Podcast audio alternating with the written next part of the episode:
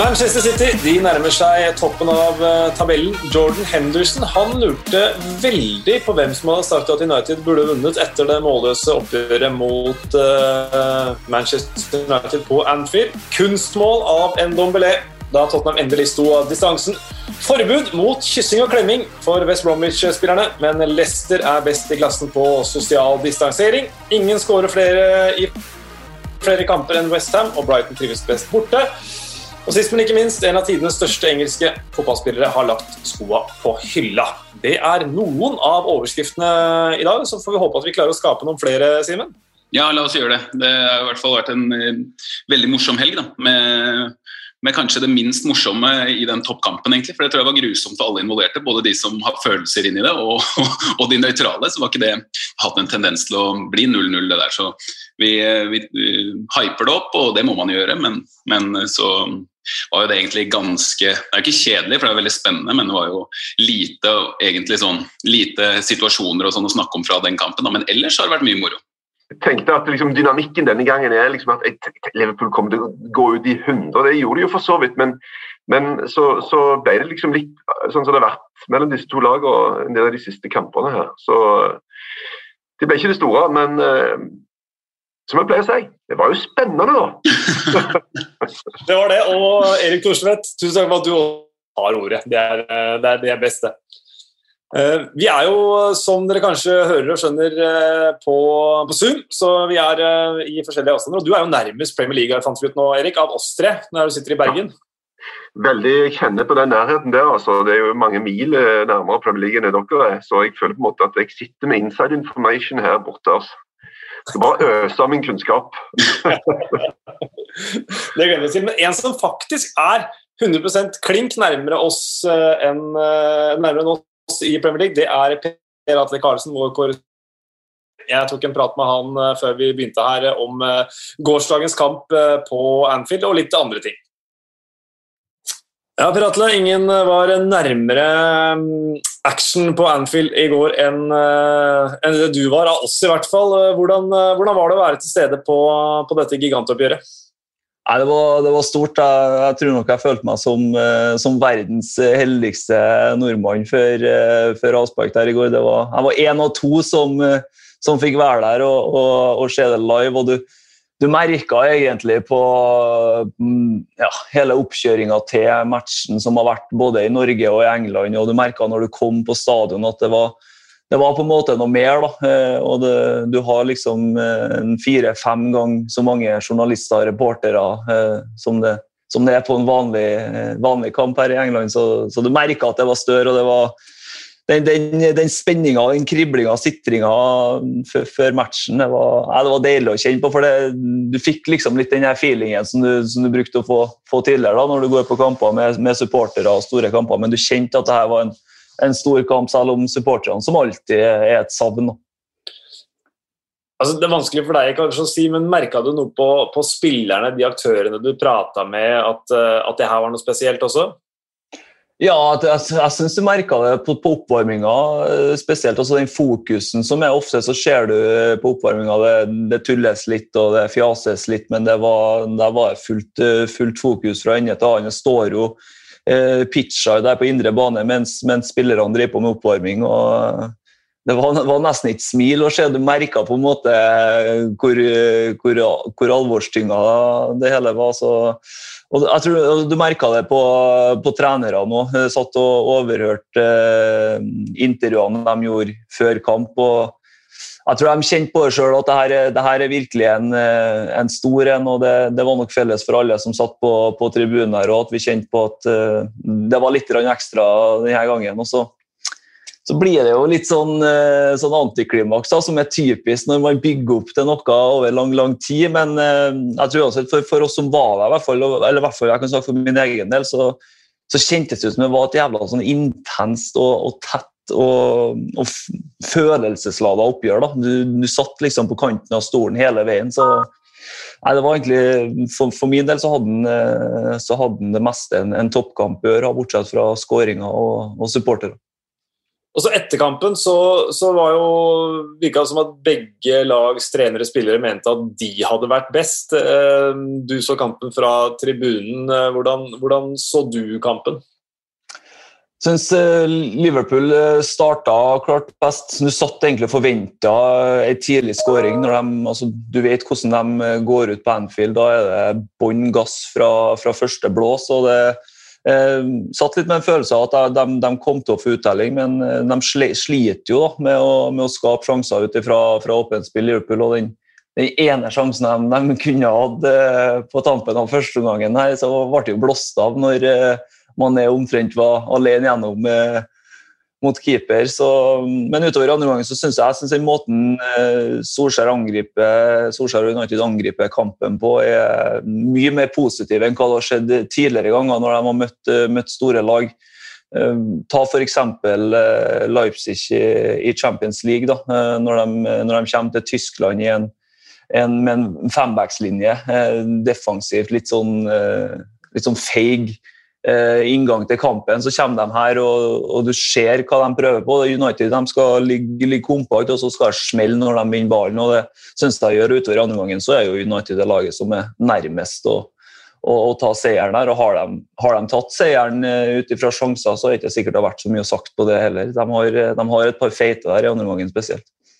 Hvordan, jeg vet ikke om du fikk det med deg, hvordan, hvordan var reaksjonen til Klopp når dommeren blåste seks sekunder før slutt der? Så du det?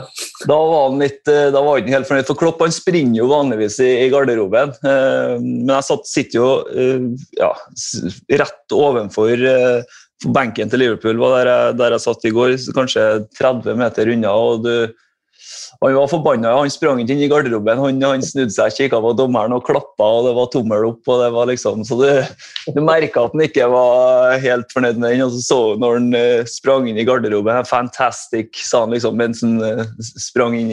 Sprang inn altså det, Han var helt fornøyd med den, eh, den, avgjørelsen her, og det kan man jo forstå. Det var fortsatt et par-tre sekunder på klokka før, før han blest, eller når han blest. Og så har du fått drista deg ut og kjøpt noen aviser i dag, eh, Per Atle. Hvordan er eh, reaksjonene i engelsk presse dagen derpå? Uh, står bl.a. I, i Manchester Evening News, da, som er lokalavisa i Manchester, så står det 'Over to Manchester'. Uh, og Der er på en måte gjennomgangsmelodien at uh, de tror at uh, ligatittelen er inne i Manchester denne sesongen. og Så spørs det bare om uh, hvilken farge som, uh, som får den tittelen, om det blir blå eller uh, rød. City er jo i, i førersetet på mange områder. Hvis de vinner hengekampen, så vil jo de toppe ligaen. og Det de leverer i går og også har levert de siste rundene, har jo vært bunnsolid.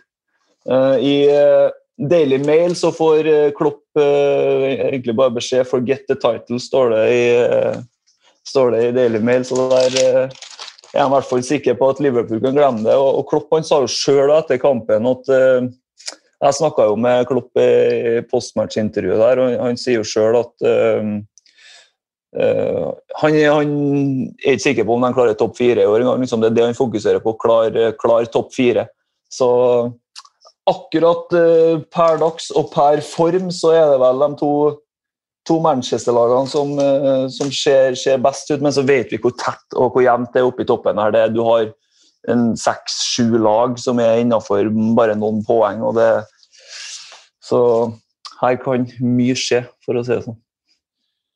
Og så er det mm, fra det ene til det andre.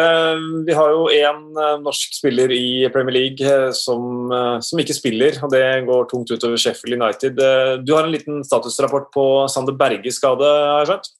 Ja, han ble jo skada i, møte med, med, United før jul på Bramall Lane. Måtte gå ut tidlig der og har vært eh, skada siden. Nå har jo Sheffield United fått sin første seier, da, selv uten, selv uten Berge. Men du så jo kanskje mot Tottenham at det, at det er et savn her. og Siste fra, fra, Chris Wilder er at han forhåpentligvis er, tilbake i midten av mars. Eh, og at han nå driver, driver opptrening hjemme, hjemme i Sheffield. Så, så, det er nok en spiller eh, Blades-fansen eh, gleder seg til å få tilbake. og så skjer det forhåpentligvis så, så, fort som mulig. For jeg tror både Chris Wilder og, og Sander Berge syns det er fryktelig kjedelig å holde på sånn som vi gjør for øyeblikket. Så. Er det sånn nå at du kan, at du kan sende en tekstmelding til Chris, og så får du svar? Jeg har ikke, jeg har ikke nummeret til Chris, men jeg kan, jeg kan sende tekstmelding til pressesjefen til Sheffield, og så, så, får, så hører jeg med Chris, og så får jeg som ofte svar. Så det, så, sånn sett er det fint. Så jeg gleder, gleder meg til å se, se quiz igjen eh, på Old Trafford om ikke så, så altfor lenge. De skal spille mot eh, Manchester United eh, neste uke. Det er bare å glede seg til. Og så har jeg skjønt at det er blitt noen hundre timer football manager på deg nå, Per Atle. Er det det som står på planen resten av dagen òg? Ja, altså Det blir jo fort så mellom, mellom, jobb og mellom slagene de dagene jeg, jeg, sier at jeg skal ha fri. Da går, går det jo som oftest i, i football manager. Det er ikke så fryktelig mye annet å gjøre. Fruen har har reist hjem, eh, mor er på jobb, og liksom, da må jeg, må jeg, underholde meg sjøl. Så blir jeg, blir jeg footballmanager, og så blir jeg en eller annen god romantisk komedie på, på fjernsynet. Så, så, går det sånn på repeat da, de timene jeg har fri. Så det, men vi klarer oss fint med det, så jeg skal ikke klage. Tusen takk skal du ha for, eh, for praten, Per Atle. Og så, så høres vi, vi snart igjen. Vi. Det gjør vi. Vi snakkes. Ja, Vi hørte pratle i samtalen med Klopp eh, at uh, tyskeren hadde sagt at uh, nå blir det en kamp om topp fire for uh, Liverpool. Deler dere den oppfatningen, gutter? Ja, jeg, altså, Det er jo vanskelig å ha en målsetning om noe annet. Selvfølgelig de er regjerende mestere, men med de, um, med de forutsetningene som er akkurat nå, med hvor alle lagene, kanskje unntatt Manchester City, eh, eh, ser litt sånn bra ut og dårlig ut i annenhver kamp. United har jo hatt, eh, hatt, en fin rekke med seire, men det er jo ikke som at de har hatt marginene mot seg, i hvert fall i de kampene. Så jeg syns jo at det ville vært rart om han gikk bastant ut når nesten si, hvis, ja, de, de bekkene er jo ikke helt på det nivået de skal være. De mangler Gomez, van Dijk, Matip. Og Fabinho mangler dem på midten, Henderson mangler, mangler dem på midten, og de tre framme ikke er så gode som de skal, så, så, skjønner jeg jo det at han dysser ned forventningene litt. Men jeg tror ikke det betyr at supporterne tenker det. De tenker selvfølgelig at de skal vinne ligaen. Ja, Det er liksom akademisk òg. Altså, det han sier utad, er jo ikke nødvendigvis det samme han sier internt. og, og liksom eh, ambisjonsnivå og sånt.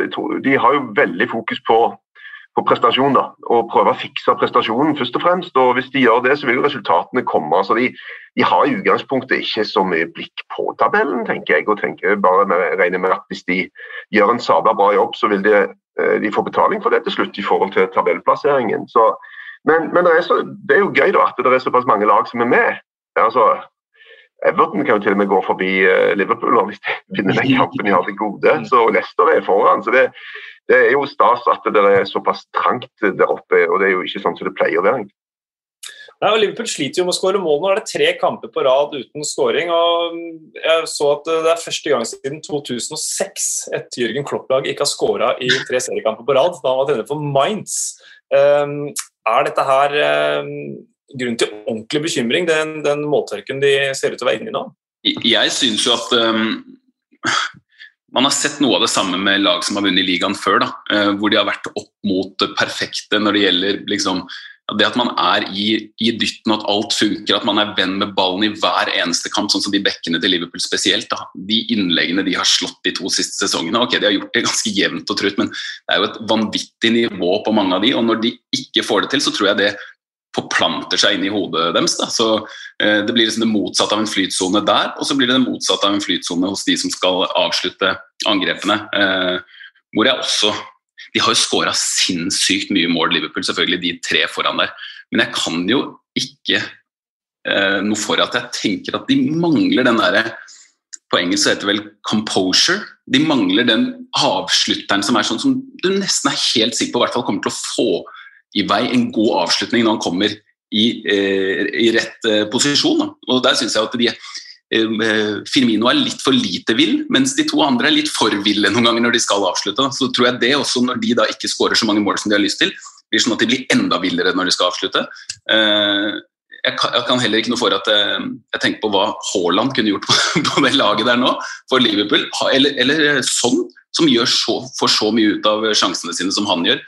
rett og slett en sånn jeg tror at det er en sånn eh, kollektiv eh, backlash på det perfekte, da, hvis du skjønner hva jeg mener. Mm. Men, men, men, jeg, tror at, vi tror jo ofte at sånn som ting er, så skal, kommer det til å fortsette. Vi hadde fokus på City sine offensive problemer innledningsvis i sesongen. Det var jo ekstremt dårlig i forhold til hva vi er vant til å se. Og så har det jo fiksa seg, og det kommer det sannsynligvis til å gjøre òg eh, for Liverpool. og Klopp spiller det jo veldig ned og sier at ja, av og til går ballen inn, og av og til går han ikke inn. Og Jeg tror nok det stikker litt dypere enn som så. for det, er Ikke bare skaper de litt mindre, men de òg eh, rett og slett litt sånn dårlig balltreff. De er liksom mm. litt bestemte i enkelte situasjoner. og eh, men det kommer til å komme tilbake igjen. Det er jeg rimelig overbevist om. Altså. Så de kommer til å være med oppi det.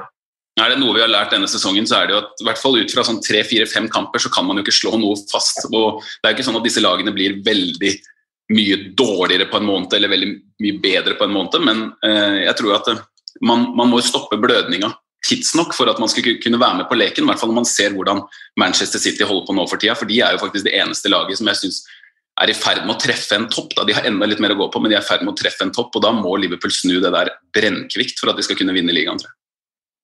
Ja, også, det er ikke så mye som skal til heller. og Nå skal vi komme sikkert til den matchen, men, men Tottenham var jo i ferd med å fortsette rekka si av de der eh, sløsa vekk eh, ledelser. Så det er ett eh, enkelt stykke med genialitet som snur hele greia. og ofte er Det sånn, det kan være én situasjon, det kan være én skåring, det kan være én avgjørende greie som på en måte vipper det rett vei igjen, og så kommer du tilbake på sporet. Så lite er det faktisk av og til som skal til. altså. Ja, og, og matchen, eh, matchen, i går da, så hadde Liverpool de beste mulighetene i den første omgangen. Eh, Manchester United i den andre etterkampen så, så sa vi Klopp noe sånn som at det verste man kan gjøre, er å spille mot et lag med verdensklassespillere som bare forsvarer seg. Uh, Jordan Henderson uh, ble konfrontert med at uh, Luke Shaw og Solskjær har sagt at de burde vunnet, og sa bare 'Hvem sa det?' Hvem sa at de var best? det er interessant. Det, det, ligner, det, ligner, jo veldig på den eh, Tottenham-kampen, bare at jeg vant jo Liverpool. Men da var det Mourinho som sa at det, det beste laget tapte. Eh, og han ser jo gjerne på de største sjansene, men sånn var det jo litt i går. Og etter en halvtime så satt jeg og tenkte at eh, dette har Liverpool nesten litt for god kontroll på. altså Kom igjen, kan ikke Manchester United levere bedre enn dette i en kamp hvor um, jeg tror at veldig mange sitter igjen etter og tenker på at det var en uh, forspilt mulighet for Manchester United. Ikke pga. de to brente sjansene, men fordi de ikke så farligere ut tidligere i kampen. Altså, her kommer Liverpool med to eh, sentrale midtbanespillere som stoppere. Eh, og bak dem og rundt dem og sånn, Det er mulighet til å skape mye mer enn det Manchester United gjorde. Hvis de rett og slett hadde vært bedre i går, Bruno Fernandes, Pogba, eh, Martial, Rashford også, de, de, var ikke der oppe hvor de bør være. Hadde de vært det, så, så, tror, jeg, så tror, jeg, Manchester United eh, hadde tidligere sett mye farligere ut enn det de gjorde. Da. Det var litt for lenge for stor Liverpool-dominans, syns jeg. Men uh, du nevnte Bruno Fernandes, men han er jo klart kåra til banens beste. blant det våre Allerede ved pause der. ja, det skjønte jeg ikke nå. Jeg tror vi kan si at Bruno Fernandes har en god del ihuga fans i Norge. Mm, mm. ja, det kan virke sånn. Og det er som du sier, Simen, det var jo, det var jo gjennomgangsmelodien fra Solskjær også, og egentlig Luke Shaw også, at uh, det her var en mulighet som glapp. Men de er fortsatt på toppen av uh, tabellen, et par poeng foran nabo City, som vi allerede har snakket, snakket litt om. De ser fryktelig nyheten ut om dagen. Ja, de ser voldsomt bra ut. Altså, det, det er uansett det jeg, det jeg tenker med City, er at uansett hvilket lag de kommer med, så sier jeg oi, det var et bra City-lag. og da sitter liksom, da kan Phil Foden sitte på benken, eh, Cancelo sitte på benken, eh, Aguero er ikke med, Mare sitter på benken. og Allikevel så er det sånn å oh shit, de har et bra lag. Og der er det ennå liksom tre-fire formspillere som, som ikke starter. Eh, og nei, jeg, jeg, tror rett og slett at de har litt for mye kvalitet i hele troppen til å tåle denne spesielle sesongen da, hvor det må rulleres mye. Og så kan det jo plutselig hende at de får tre-fire skikkelig ille skader. Men jeg tror ikke det kommer til å svi like mye som det har gjort spesielt for Liverpool. Jeg synes det, er sånn Fra et nøytralt eh, ståsted å se City i full flow, det er rett og slett eh, bare gøy. Så jeg syns det er sånn eh, Fra en, et estetisk synspunkt og det å se City spille fotball akkurat nå, det er bare Du, du setter deg bare ned og gleder deg. Uh, og det er ikke fullt så stas for motstanderen. Uh, nå vant de jo med mange mål i går, da, men, men uh, det ser jo ut som om Guardiola har greid å, å ta det gjennom en form for en, en sånn vanskelig gjenfødsel, egentlig, og, og kommet sterkere ut på andre sider. For hvis de nå, i tillegg til å se veldig bra ut nå offensivt, kan vise nå når de kommer tøffe kamper og Champions League og sånne ting, at de har en bedre defensiv struktur, så vil det, det vil være veldig veldig bra altså, i forhold til å, å, å, vippe pokaler eh, tilbake til, til, til City etter at de vant ligacupen forrige sesong. Jeg tror det sier noe om hvordan eh, hvordan fotballen har blitt, da, generelt og kanskje Premier League spesielt, at, eh, at, det er ganske mye mer fysisk enn det det var før. Bare for ti år siden hvor man kunne med Guardiola-fotball herjer herje mye mer enn det man kunne nå. nå. Nå tar det mindre risiko, og det tror jeg gagner dem veldig. Og såpass Eh, såpass mye er kontring. Det er mange lag som er blitt veldig gode på å kontre. sånn som med den Wolverhampton-kampen i fjor for eksempel, tror jeg ble en skikkelig sånn vekker for Guardiola, hvor de har ballen også så mye og ser ut som de har eh, ja, de, de, de, klarer liksom bare ikke å bryte igjennom, og med en gang Wolverhampton får tak i ballen, så blir det farlig motsatt ende. Og heller ta litt mer hensyn, få inn en skikkelig god midtstopper, legge en ekstra mann eh, sentralt på midten, som er litt mer defensivt anlagt. Og Rodry syns jeg har tatt steg etter en eh, helt ok første sesong, så syns jeg han har vært jæsklig god denne sesongen. Men det at Guardiola har liksom ja, funnet opp seg sjæl litt igjen med, med en mer forsiktig tilnærming til fotball, det tror jeg var veldig klokt av han. 50 år i dag for øvrig. Gratulerer med dagen. Mm -hmm. Ja, og bare for ordens skyld, Manchester City vant 4-0 over Palace. Gundogan og Stirling lima én i krysset hver. Altså John Stones med to skåringer. Eh, han skåra jo i derbyet i ligacupen også. Um, dette var hans første seriemål uh, siden april 2015, så han har skåra noen mål for City, men ikke i, i ligaen. Og, og, John Stones er jo en, en, spiller som får mer og mer honnør og fortjent uh, vel så. Det har vært en, vært en, helt sentral brikke i det at de ser defensive ut. og den, Jeg så i hvert fall ikke den komme, at det skulle være Stones og Diaz som var stoppeparet til Guardiola når de ser som best ut. Ingen så den komme, Espen. Det tror jeg kan slå fast. Du tenkte at nå, nå har City fått stoppeparet sitt som kommer til å være der i fem, seks, syv år med Diaz og Laporte. Den er grei, da har de i hvert fall det eh, i orden. Men så, så, er det jo sånn at eh, det er veldig mange egentlig eh, tilfeller av det, da, hvor spillere ikke Altså de har, en, de har en motgangsperiode, og så, og så, glemmes de, og så kommer de tilbake og så viser det seg at de fortsatt er gode i fotball. Men at for, John Stone skulle komme tilbake og være så god, det så jeg absolutt ikke komme. Nei, jeg trodde kanskje han var rett og slett litt uh, fælt å drive og diskutere hjernen på folk på, på podkaster, men litt sånn uh, psykisk uh, spak, rett og slett. At han så ut til å bli prega av ting og av feil, og at presset av og til kunne bli litt for stort for han. Men sånn ser det ikke ut nå. Så gjelder det bare å holde det gående. Da. Det er rart hvor fort må glemmer folk rapport som vi bare har sett på som en sånn halvgud baki der. Og Den som holder hele greia sammen bak oss, oss City. Nå er han liksom uh, Hvor er han? Og det er ikke så viktig hvor han faktisk er. Han er jo skada, da. Men han, han, blir nok viktig, han òg, for uh, det blir, det, du trenger mer enn en to bra folk bak der. og vi ser at Fernandinho fortsatt funker på midtbanen. da. Vi har spilt mye midtstopper for City de siste sesongene, men, men uh, den Fernandinho som jeg kjenner, den, han er ikke død. altså. Han finnes. Han viste det nå. Og eh, Geir Sandersen spør på Twitter kan Manchester City ta rekorden i færrest, færrest antall innslupne mål denne sesongen. Det skal nok holde litt hardt, for de har 13 og Chelsea har rekorden på 15. Så jeg kan ikke se for meg at de, at de kun slipper inn eh, to mål eller ett mål resten av sesongen, eh, selv med en Stones i kanonform. Men Manchester City er også oppe på andreplass. For Crystal Palace sin del så var Hodgson inne på at det var ikke akkurat tap-ins de, de, slapp inn, men men, eh, og De har hatt en god, god trend på Etiad før, men i denne kampen her så ble de rett og slett et, et nummer for små. Og... Det er ikke bare tappins de har scora på Etiad før, eller husker du den til Townsend den gangen? Kanskje det sykeste målet på i hvert fall de siste fem årene i Premier League. Det treffer han alle der. Ja. ja, det er sant. Altså, tidenes største antitappin. Altså, du får få meg en mindre tappin enn det målet der. Uh, Westham, Crystal Palace, de får jo um, De trenger jo hadde mye skader og sånn. De får litt ekstra pause nå, for de er slått ut av uh, FA-cupen. Så um, ikke kampen før neste uke mot uh, Westham. Og får samla troppene litt, Palace, men de klarer seg nok. Når det kommer til topp fire, så er det jo Leicester som også Jeg føler de går hele tida litt sånn under radaren. Eh, for det blir ikke snakka om dem, ja, men ikke, ikke som en tittelkandidat. Men når de ligger der de ligger nå, så må det jo være det etter 2-0 mot Southampton, Madison og Barnes med, med skåringene der. Nei, jeg greier ikke å ta det seriøst. Beklager. Men, men uh, topp fire, fair enough. Men at de skal kunne greie å vinne ligaen, ja, da, uh, da, da, tror jeg at Brennan Rogers uh, ikke bare skal ha et bilde av seg selv på veggen, som han har sett han har, men til og med en statue av seg selv hjemme i stua. Altså.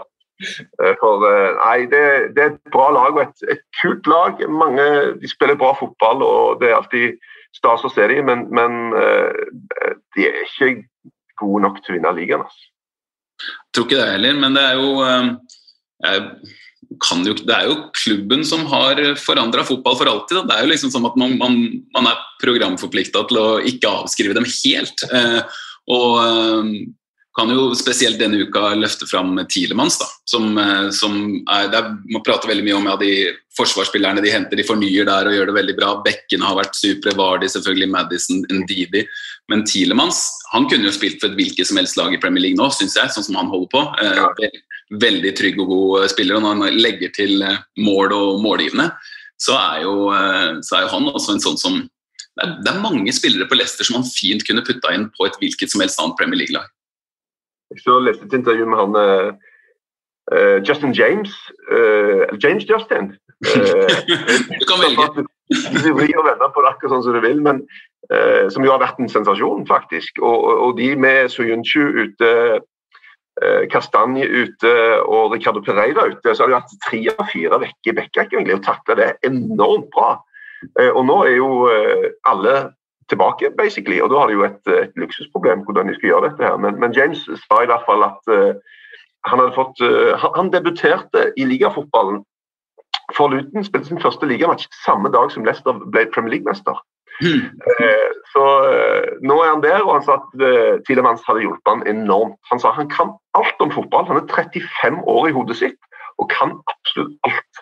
Så hvis det var en du skulle snakke med om fotball og hvordan du skulle gjøre ting, så var det Tilemans. Så, eh, og han blir jo, han spiller, han spiller vel i EM til sommeren, han. Mm. På det som er ranka som nummer én i verden, Belgia. Han hadde jo et par skåringer der i november. Eh, to, eh, to matcher på rad der jeg tror han skåra faktisk for, for, Belgia. Siden du stiller oss en del vanskelige spørsmål, så jeg skal stille deg et. Hvem burde spille høyreback for England? Å, oh, herre min hatt. Ja, det er eh, akkurat nå så det, det, det, er, det er James, i hvert fall. Men om det er Justin eller Reece, er jeg litt usikker på. Men uh, en av de to, føler jeg. Jeg tipper Kyle Walker kommer til å spille. ja, han, nei, han spiller stopper. Så, okay. så ikke Maguire og Stones? Nei, jeg tror du kommer til å spille med tre.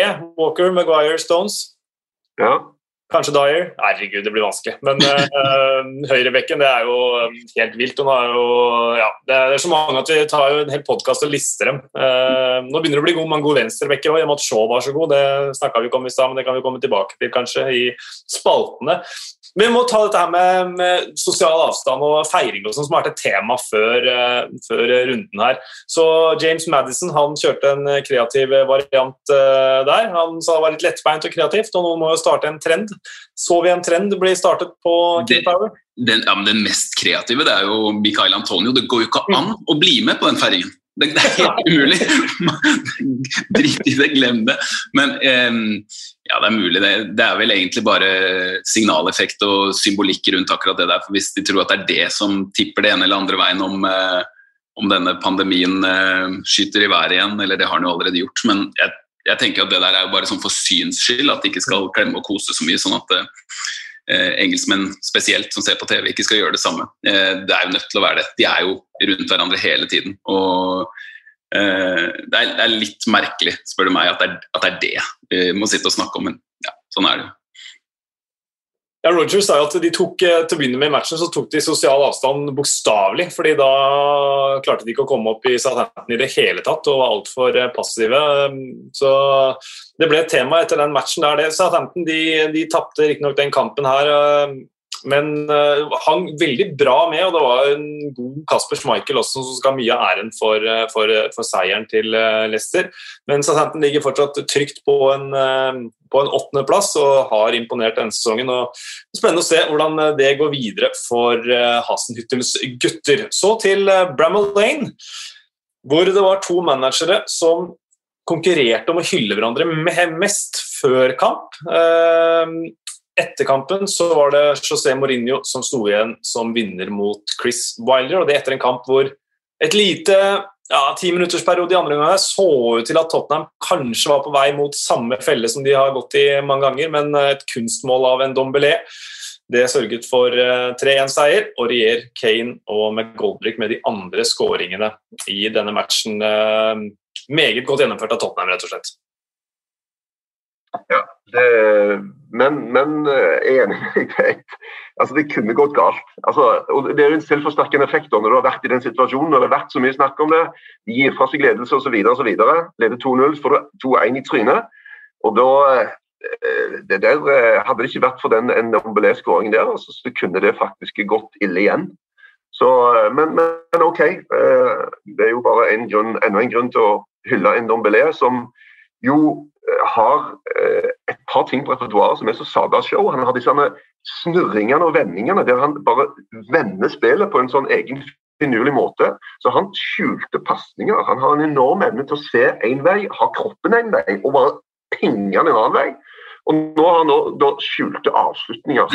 Han har eh, kroppen én vei og på en måte nesten sånn mot fysisk ikke lova greie å, å, å skåre det målet der. Det var enormt. Altså. Men det er jo eh, Jeg så det var noen som eh, antyda at det kunne være forsøk på å legge den inn. Det ene eller annet. Det var jo ingen foran han. Men eh, Danny Ings sitt mål mot Liverpool, det var det. Det ja. tror jeg var et forsøk på å legge den inn. Mm. Men dette her eh, var mye pga. det du sier, og pga. at det ikke var noen foran han. Eh, og sånn det så ut. Med vilje, i hvert fall. Ja, det var min, min første tanke òg. At det der var med vilje. Mm. Du mistenker Danny Ings, altså? Det... 100 100 Lucky boy. Selv om jeg er veldig veldig glad i Danny Ings, en uh, stor favoritt, så tror jeg det var vel så mye flaks som dyktighet. Og så var det interessant, Før kampen så fikk Mourinho spørsmål om uh, hva han sier i pausen. og Da sier han 'attack, attack' og 'gå ut og styre spillet'. og Etter kampen så får Kane spørsmål om uh, det har vært en gameplan å, å legge seg bakpå. Men da frikjenner på en måte Harry Kane uh, Mourinho og sier at det aldri har vært beskjeden fra Mourinho å, å prøve å trygge en ledelse. så Det syns jeg i hvert fall var interessant fra, fra kapteinen. Jeg vet ikke om dere syns det?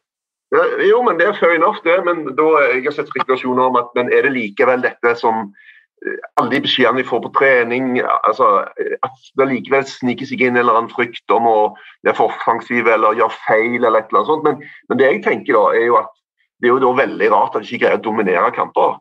For at det, eh, Selv om de greier å for styre kamper og ha possession mest i første omgang, når de da kommer i andre omgang, så faller det alltid.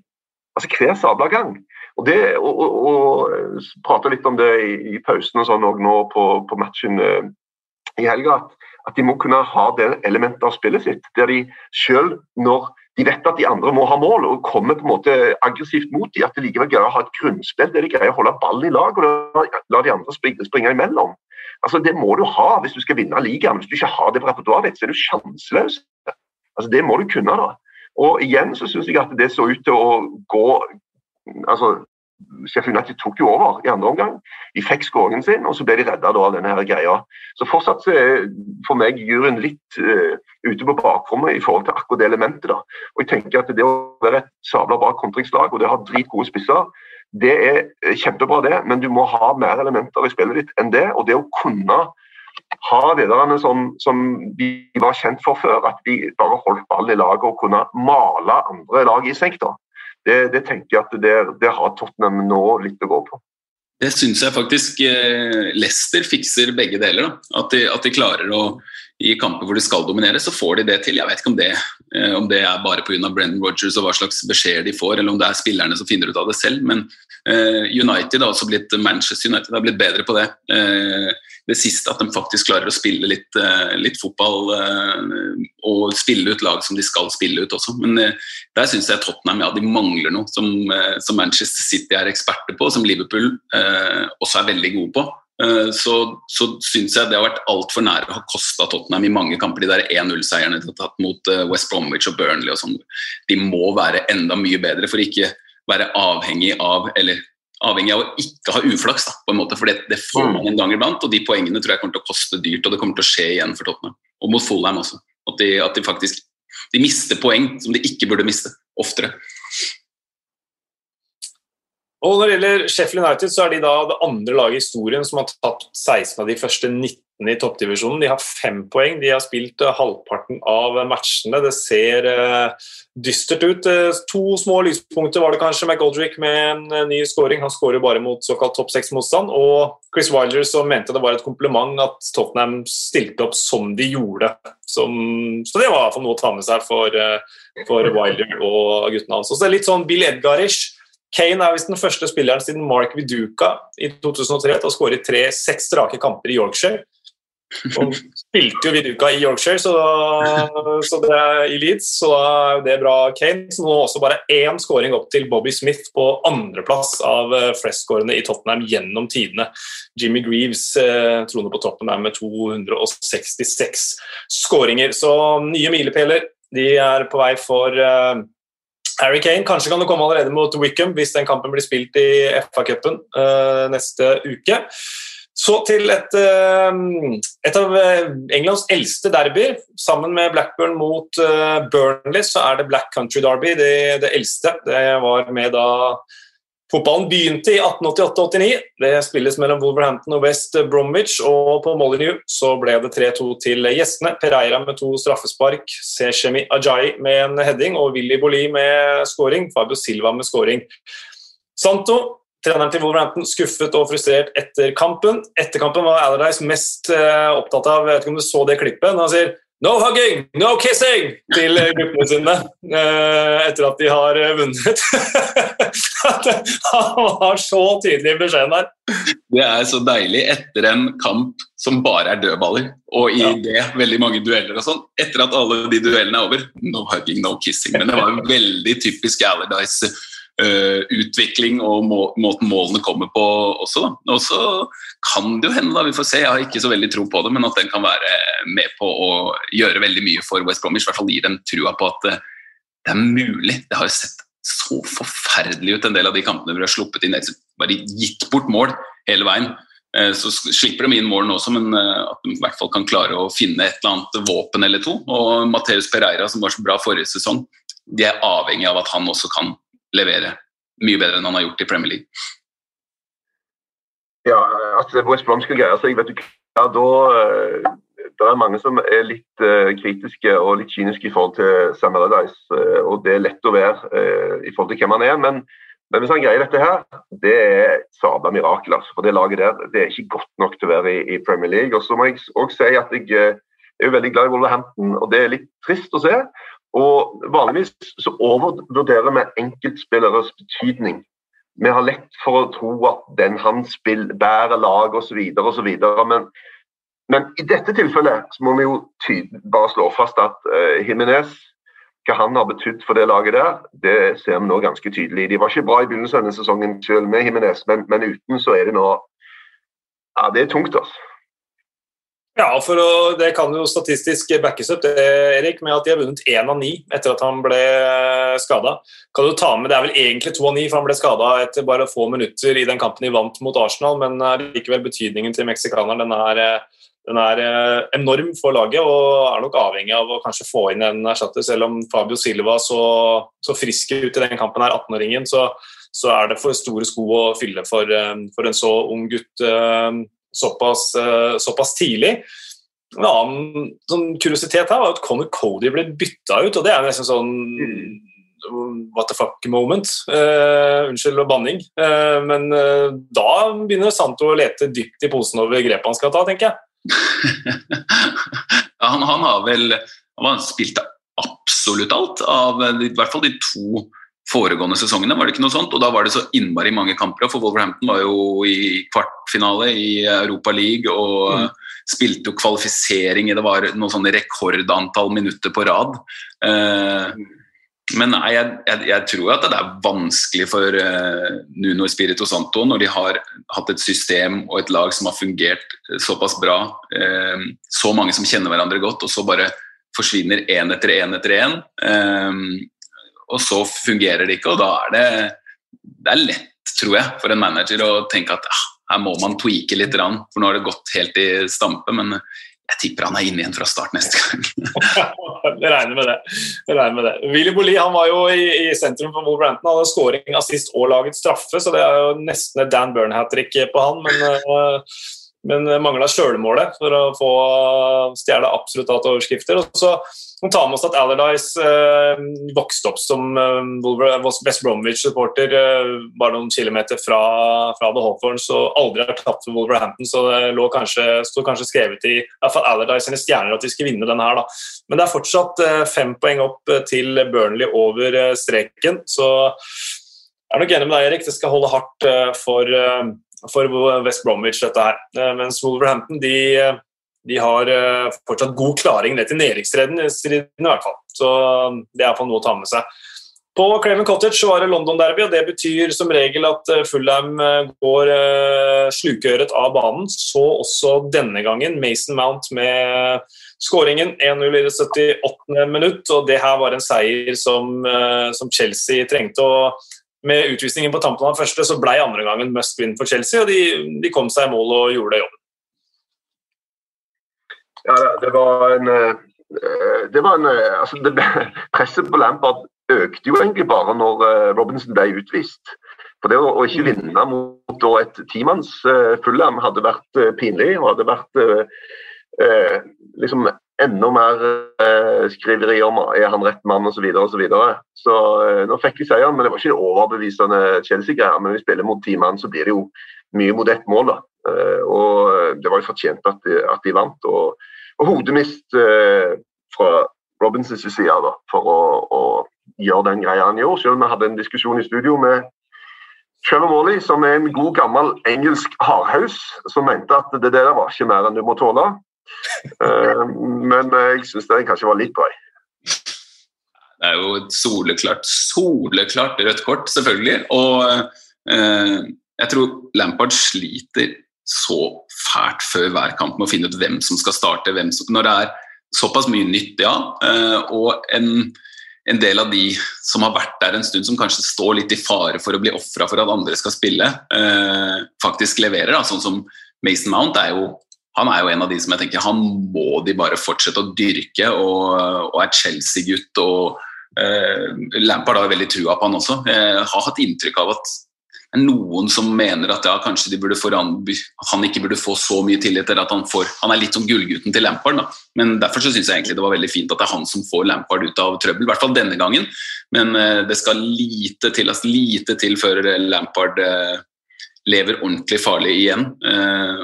og jeg hadde jeg prøvd å liksom gjøre det eksperimentet og tenke sånn, hvem hadde jeg rett og slett sett opp elveren til Chelsea. Da. Det er jaggu vanskelig. Altså. Det er veldig avhengig av hvem de møter, kampbilde osv. Og, og så har de en sånn spiller som Timo Werner, som jeg mener er skreddersydd for Premier League, da, og egentlig bare burde spille hele tiden, kan bekle forskjellige posisjoner, og er så under isen nå at jeg syns synd på han, liksom. Uh, nei, det er, det er, vanskelig å være Frank Lampard. og um, jeg, bare noen måneder siden så tenkte jeg at søren Chelsea tror jeg faktisk kan vinne ligaen, men det, det er altfor langt opp.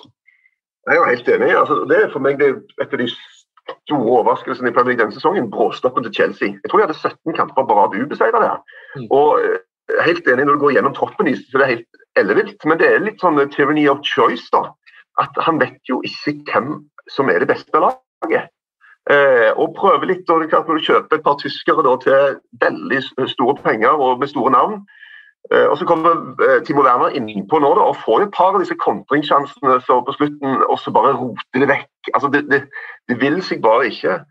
Og eh, ja, Mason Mount, men, men eh, så bitte litt på det. Han har altså, Hvis du sammenligner med andre offensive midtbanespillere i Premier League, da, han har tre assist denne sesongen. Alle er corner. Mm. Han har har Helt like, helt like corner også. Jeg mener det er i hvert fall to som er helt like. Ja, og Det er greit. Det er jo kjempebra å ha en fyr som er flink til å, score, til å slå corner. Men, men som den mest offensive midtbanespilleren i Chelsea, og det er han. Han er jo den som på en måte roamer litt der foran. Så, så er produksjonen litt for, for liten. Da selv man jo skårene, da, som du sier, Frank, fikk Frank Lampard ut av trøbbel. Men, men, det har i hvert fall vært et par ting da, som er faste holdepunkter. Jeg trodde jo at bakre femmer var klink. Men nei da.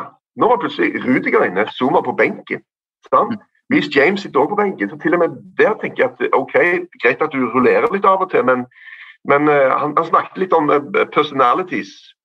Uh, Giroud, Rudiger og sånt. og Kanskje det er det han tenker at når vi er i en sånn situasjon så her, så må vi satse på litt sånn litt eldre folk med litt rutine og litt balls.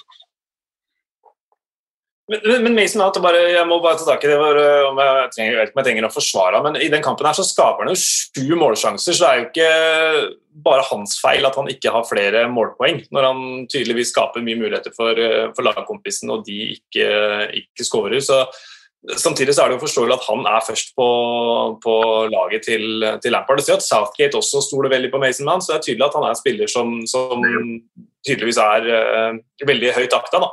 Han er jo veldig, han er en kjempebra fotballspiller. men uh, og Rikard, Du har rett i det der med at du ok, hvor mange sjanser skaper du, men, men det kan jo være at du gir ballen til en fyr på 40 meter som drepper fire mann og prøver seg på et skudd fra eh, 19. Så du må av og til gå inn og kikke bitte litt på men hva vil jeg egentlig si. Og det, det tenker jeg jo at eh, Det med, med assist er én ting, men, men, det er jo noe som heter expected assist, som faktisk eh, handler om eh, er, for det, det, sier jo ingenting om liksom, avgjør, av, avslutningen. Den tar vekk det. Og det kan være litt greit, for som du sier, han har jo gjort jobben sin. Hva avslutteren gjør, har jo for så vidt Mason Mount ingenting med å gjøre. Så, så det, det, er faktisk en greie som jeg, jeg syns er litt OK å se på. Hva, hvor mye setter du opp eh, lagkompiser, og, og, hva greier de faktisk å få ut av det du har gjort? da.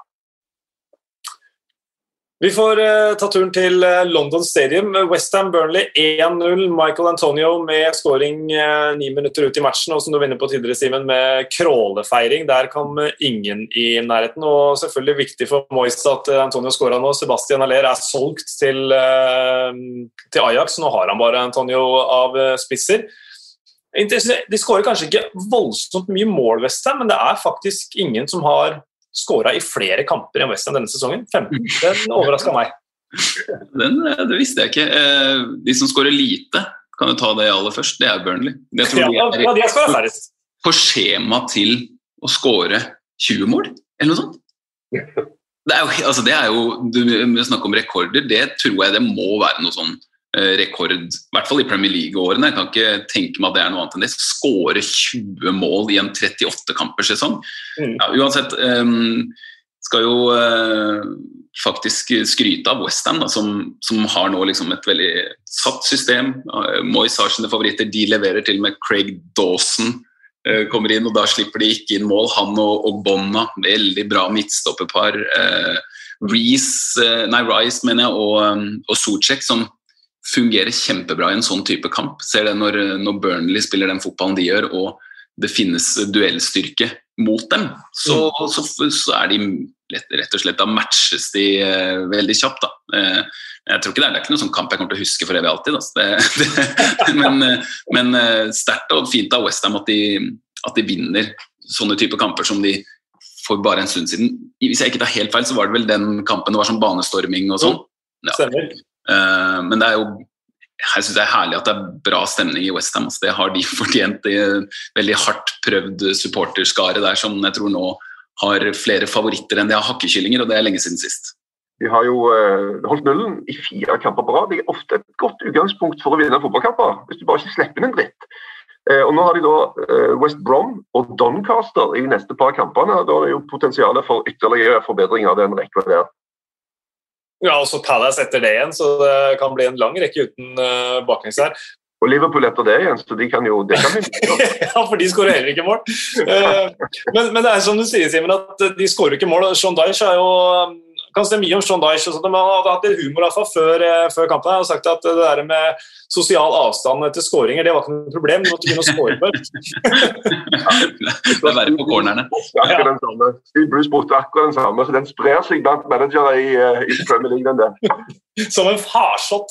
Ja. Uh, Siste matchen uh, som er spilt denne runden, her, den ble spilt på Ellen Road, hvor uh, Brighton uh, vant 1-0 etter skåring av Neil Mopé. og Apropos skåringstørke, Leeds er også inne i en blindgate i så måte. og selv om ikke han spiller spiss, så er Leeds uten Calvin Phillips ikke det samme. Det så vi i den kampen her. Og sårt ettertenkt seier for, for Brighton. men det er jo lett å glemme i og med at Leeds har eh, engasjert oss, underholdt oss så mye at målet deres er jo å holde seg i Premier League, og det er de på stø kurs mot å gjøre, selv om de nå har noen kamper uten, uten seier og mål. Ja, det er liksom vanskelig å argumentere for så vidt for banen etter at Brighton skårer det målet de gjør, men, ja. men eh, den spilte dem et puss. altså Det var vanskelig å få jeg, jeg har sett Leeds ganske mye. Jeg har vært veldig glad i å se Leeds denne sesongen. Og eh, de har ikke spilt en så dårlig kamp, det er jeg helt sikker på, med ballen. For de har jo, de gangene de har tapt, gjerne med mange mål, så har de i hvert fall eh, skapt store sjanser og spilt fin fotball. Men dette her var, var begredelig. Um, og det kommer vel sikkert noen sånne en gang iblant. Og så får vi vel håpe for eh, alt støyen og Bielsas skyld at uh, de nå skjerper seg snart. for Ellers er jeg helt sikker på at den praten om at de er slitne, den uh, lar ikke vente på seg. Uh, men det der var noe jeg ikke har sett før av Leeds denne sesongen. De var rett og slett dårlige. Det så ut som de hadde strøm i føttene, alle mann. Det var ingen, kanskje Rafinha var et hederlig unntak, men ellers var det ingen som var ordentlig bra. da. Strøm i føttene. Den må vi ta med oss. Den skal vi, den skal jeg bruke sjøl. Men, men jeg, er jo, jeg, er jo, glad i Brighton, da. sånn at uh, Brighton er jo det beste rævalaget i verden. Uh, og er, De er jo veldig dårlige, men de er sabla gode til å være så dårlige. og, og, og, Det målet som de skårte her, er jo eh, sånn som de sikkert holder på på treningsfeltet hele veien. For de er enormt gode til å spille fotball. Jeg så Guardiola han prater om Brighton. Bare, de gjør jo alt riktig måten de spiller mellom linjene, de har en mening bak alle pasningene. Han var bare sånn Men de skårer ikke mål. Og, og nå, nå, er det jo sånn at eh, Ja, jeg ble glad av å se det målet. da. Jeg liker jo kollektive mål, og det målet der var enormt fint. Altså. Mm. Og Det var den første, første seieren etter ni kamper uten. og de eh, de vant jo bare én hjemmekamp i hele 2020, så det er kanskje greit at de holder seg på bortebane, men nå har de faktisk to hjemmekamper på rappen i Premier League Brighton, så det er skummelt nok det mot Fulham og Tottenham, men ligger altså fem poeng foran nettopp Fulham eh, på en 16.-plass. Eh, så det var, det var runden. Eh, vi får eh, ta noen eh, faste spalter hvor det skal deles ut litt heder, ære og litt forskjellig. Det var moro å se på. Morata var kjempegod. Hva i all verden? Han snakka ikke om seg sjæl, han snakka om dommeren. Ja, da var det kaktus, blomst, ukjent helt og øyeblikk. Eh, Erik, du brenner inne med en, eh, med en, blomst, hvis det er lov å si? Ja, og det er i hvert fall ikke en ukjent helt, for dette er en fyr som jeg mener har uh, vært med å prege fotballhistorien, intet mindre. Og han uh, fyller 50 år. Jeg tenker på at Pep Guardiola nok får litt eh, gaver og litt hyllest i den forbindelse, men det fortjener han. For den fyren der den har brakt fotballen rett og slett videre og gitt oss enormt mye glede på veien. Så jeg syns han fortjener det. Ingen stor motstand herfra. Altså. Og jeg synes, ja, Spesielt ettersom at jeg hadde en veldig sterk følelse av at han skulle forsvinne. Og, og tenke at nå har han gjort det han kan, men så har han nok jobba en del med seg selv og uh, ja, forandra en del. Og til det bedre, egentlig, i Premier League. Jeg syns Manchester City faktisk uh, ser um, skumlere ut på en eller annen rar måte enn de har gjort tidligere, fordi de har den kvaliteten i laget. Og så tillater de seg å å spille litt mer på resultat og på å holde nullen enn de har gjort før. Det er eh, enormt gode begrunnelser, og David Langhus han mente at blomsten skal til John Stones, og det kan han jo egentlig få få, kan få litt av kasten til eh, Pep Guardiola. for er jo, Guardiola er jo ikke helt uvesentlig for Stones sin framgang heller, så da kan jo de dele den. En del andre innspill var Luke Shaw som spilte en kanonmatch Lars-Erik Bakken, som er sjef United-supporter, mente at McGoldrick måtte få den. At man kan se så god ut helt alene. Så det er flere som foreslår det, faktisk. Men jeg er enig med deg, uh, Erik. Pep Guardiola. Og så får han dele litt med John Stones. Det var blomsten. Øyeblikka, er det noen som kan matche en Dombelé scoring? Jeg, jeg, jeg syns jo det, det, blir jo ikke noe sånn den som var, ble stoppa 11 mm fra å gå inn med John Stones den gangen på Etiad mot Liverpool, eller De Brøne som hadde skudd i tverrliggeren mot Chelsea året de gikk og, og, vant. Men Pogba sin sjanse egentlig synes jeg er sånn skikkelig øyeblikk. Hvis United vinner den kampen, okay, så er de seks poeng foran Liverpool. og da, da er det så stor forandra uh, situasjon. Det, nå er det nå er det ganske, nå tenker jeg, nå er de ganske, står ganske likt, både altså Liverpool og Manchester United. Men scoring der, så kunne veldig mye vært uh, annerledes. Så ja, Redninga til Alison kanskje, men egentlig mer det at United ikke skårer. At Pogba ikke får det målet sitt. Mm. Og så sier computeren faktisk at uh, Bruno Fernandes sin sjanse var større. Ah, ok. Men det går nok på at det, var en volley osv. Det er litt vanskelig. Han, han tolker jo liksom hvordan type avslutning er, og litt vanskelig å skyte på volley. Og vi ser jo at det kommer en fyr kastende i Norge der. Sånn at uh, jeg, jeg, eh, jeg, er liksom uh, ganske tilgivende på folk som bommer på sånne ting, så lenge de får et, av gårde et bra skudd, og, og de treffer mål i hvert fall. Så, men et stort øyeblikk, helt klart. Og, og det kan jo pike det blir avgjørende til slutt. Mm. Altså, det, den situasjonen kan avgjøre hvem som tar Premier League-trofeet. Mm. Sånn er det jo faktisk. Mm. Ja, Det begynner å, det, det seiler opp som et, uh, som et større øyeblikk. Uh, jeg ser den. Uh, og Det fikk vi også hylla Alisons keeperprestasjon, som vi ikke snakka om i stad. Så rundens øyeblikk, skuddet eller avslutningen til Pogba, som Alison parerte. Kaktus, noen forslag der, eh, gutter? Det begynner vel å bli ganske fullt i den Fulham-garderoben med kaktuser, tenker jeg. Men eh, det er vanskelig å komme unna det å, å, sette inn en så dum takling i en eh, såpass Jeg skjønner at det er Derby og det koker litt og man skal tøffe seg, og, men det får litt for mye å si. Det er jo en type kamp hvor Fulham faktisk, utrolig nok, hvis man ser på hvert fall tidligere i sesongen, hadde hatt en god sjanse til, til, å slå Chelsea. Så Anthony Robinson, som eh, jeg syns har et veldig interessant kroppsspråk. Eh, er, han ligner ikke på noen når han beveger seg. Han er veldig stokkete og stiv, men han får det til å funke på en eller annen merkelig måte. En veldig rar venstreback som der setter inn en idiotisk takling.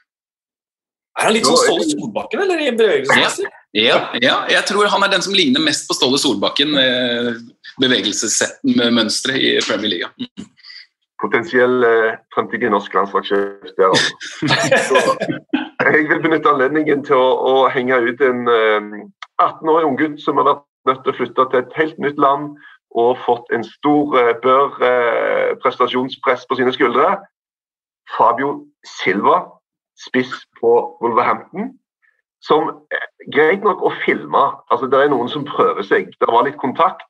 OK, jeg prøver å gå ned. Men når det er null kontakt, altså ingen kontakt og men han vet jo at vi får lov til å sitte og se dette igjen og igjen, og igjen, og det ser så sabla teit ut. Og han er så klar over det sjøl, for det trynet hans etterpå er bare en sånn rar blanding av Ops, eh, hvordan skal jeg, hva skal jeg gjøre nå? Jeg fikk gult kort. hvordan Skal jeg, skal jeg prøve å protestere, eller skal jeg bare Nei, det er så eh, ikke, ikke prøv på filming når det ikke er kontrakt. Kutt ut, da. Ja, det er Godt innspill, Erik. Jeg tror jeg faller ned på Robinson allikevel.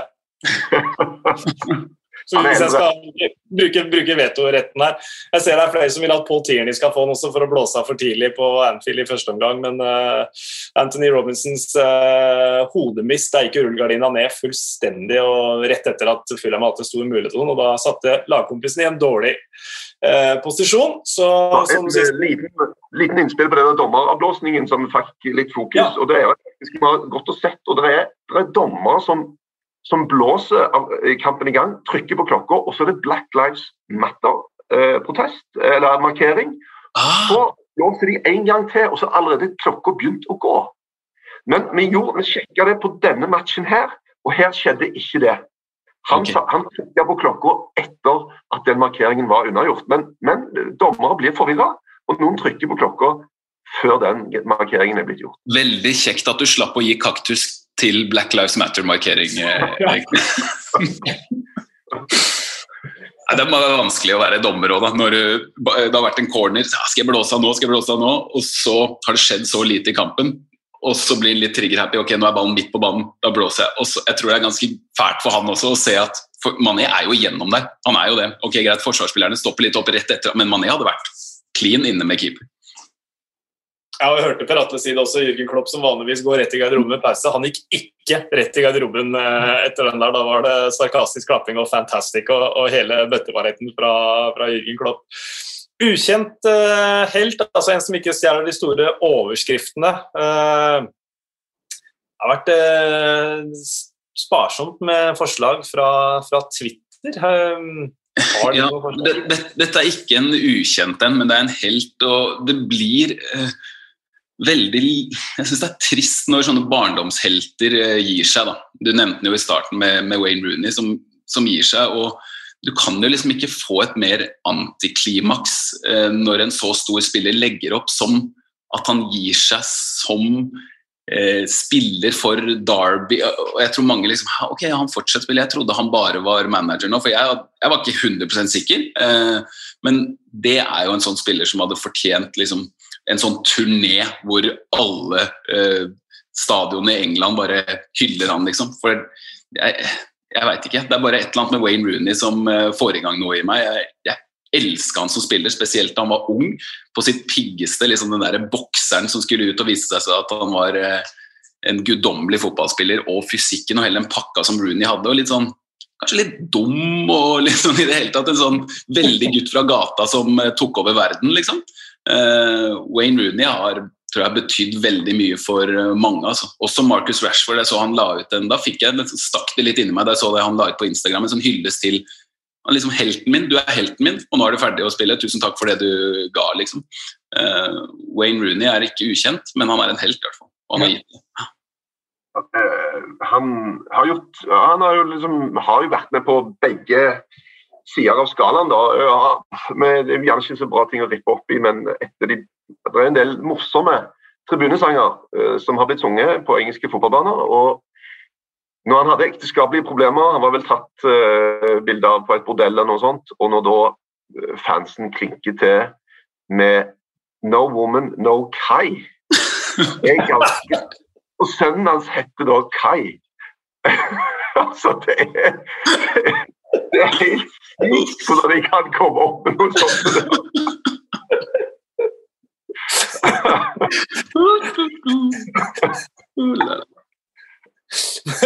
Men apropos det, det var vel det, Om det var Arsenal-supporterne som sa 'Who are you? Who are you?' når han kom inn på i oktober 2002 også, før han blåste den ballen i krysset. Så han har klart å slå tilbake noen ganger også.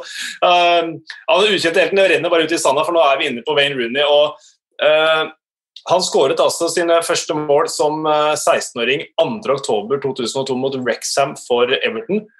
Ganske nøyaktig 18 år senere, 3.10, 34 år gammel, så skåret han sitt siste mål mot, uh, mot Norwich på Carrow Road, et frispark for Derby. Ble matchvinner i 87. minutt. Mellom der så har han blitt tidenes oppskårer og vært kaptein for Manchester United, tidenes oppskårer og kaptein for England. Han har vunnet fem ligatitler, Champions League, Europa League, klubb-VM, FA-cup og liga cuper. Eh, det er som du sier, Simen, det, det, er jo en legende som takker av. Altså, jeg husker jeg var på Old Trafford når eh, han kom tilbake som, som Everton-spiller. Eh, og da tenkte jeg kanskje at den der flørtinga han hadde med City den gangen, ville rokke ved statusen han hadde blant fansen. Det var ingen jeg prata med utafor Old Trafford, eller inne på Old Trafford, som ikke elska Wayne Rooney av, av fansen. Da. Så har nok en enorm standing uansett av ablegøyer og andre ting. altså. Og så var han vel i Han var jo i USA. Spilte han for LA Galaxy, eller?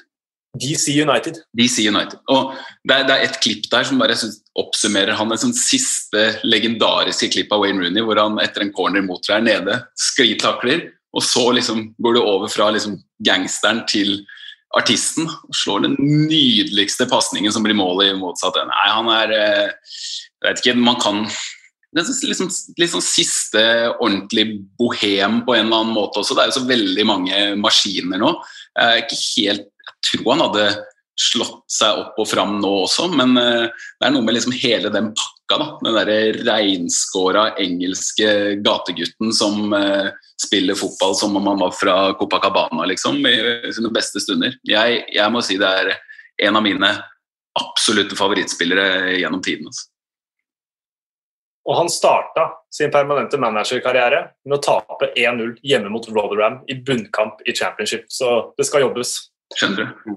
Jeg skjønner hva du mener i stad, men når du var inne på det med øyekjønner. Vi får ta Bill Edgar før vi runder av her. Arsenals syv siste. Aldri skjedd! Første gang siden er den sjette spilleren. Fun factsene til Bill Edgar.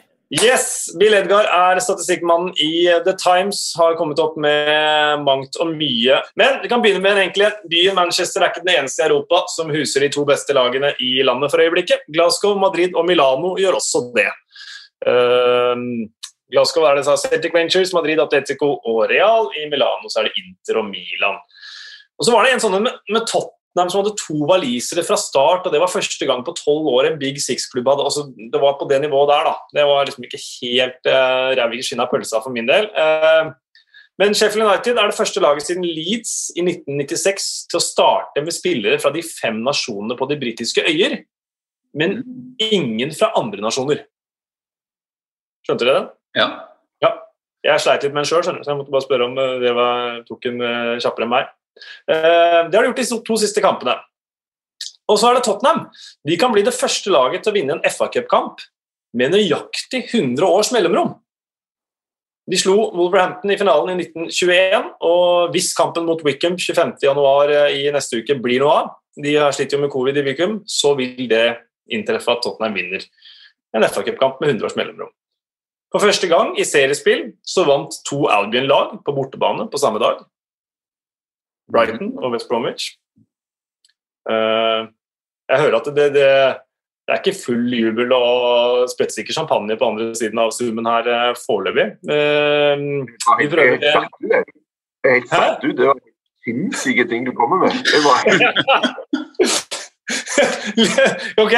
Leeds kan mønstre en hel elver med spillere som er naturlig venstrefotere, som har spilt denne sesongen.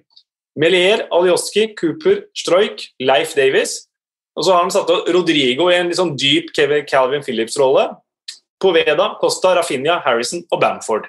Så det er elleve spillere som er naturlig venstrebeinte. Ja, finnes det da, Hva er bakgrunnen med Leif, Leif Davies? Hvorfor heter han Leif, Espen? Jeg vet ikke, men jeg tror han er fra Og nå nå skyter jeg fra hofta.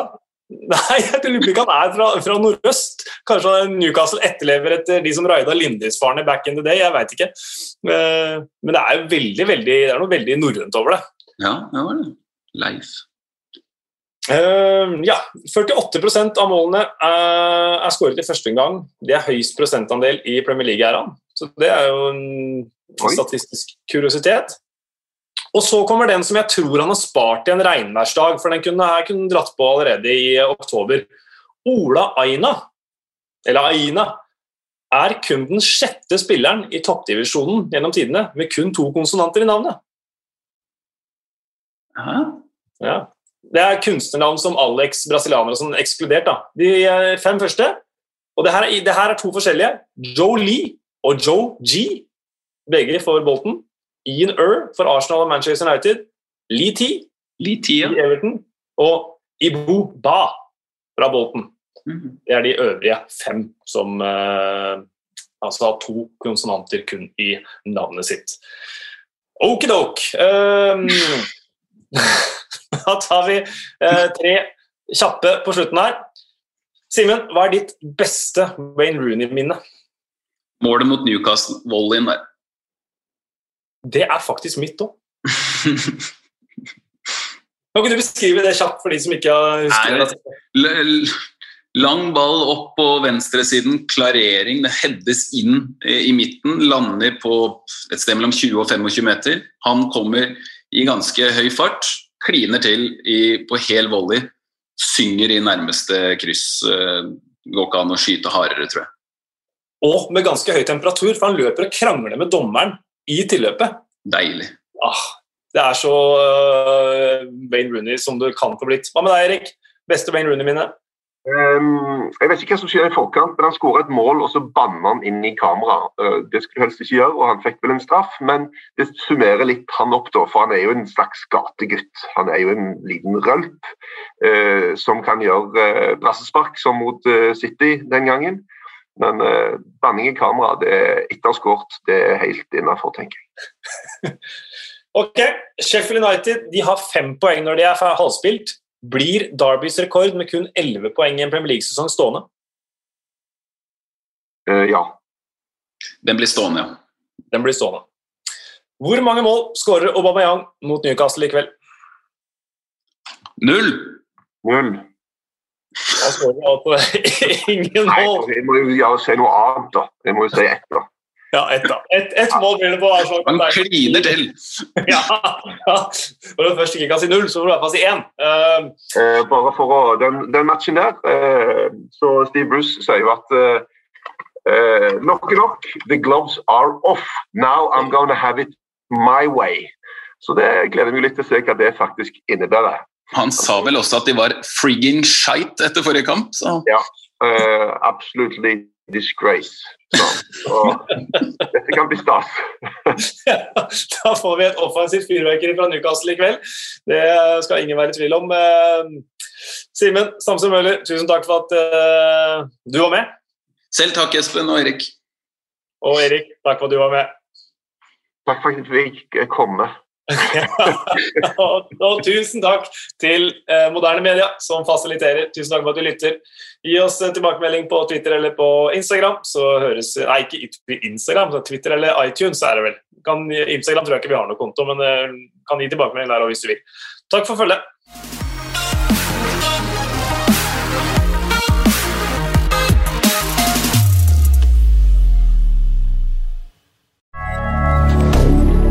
Moderne media.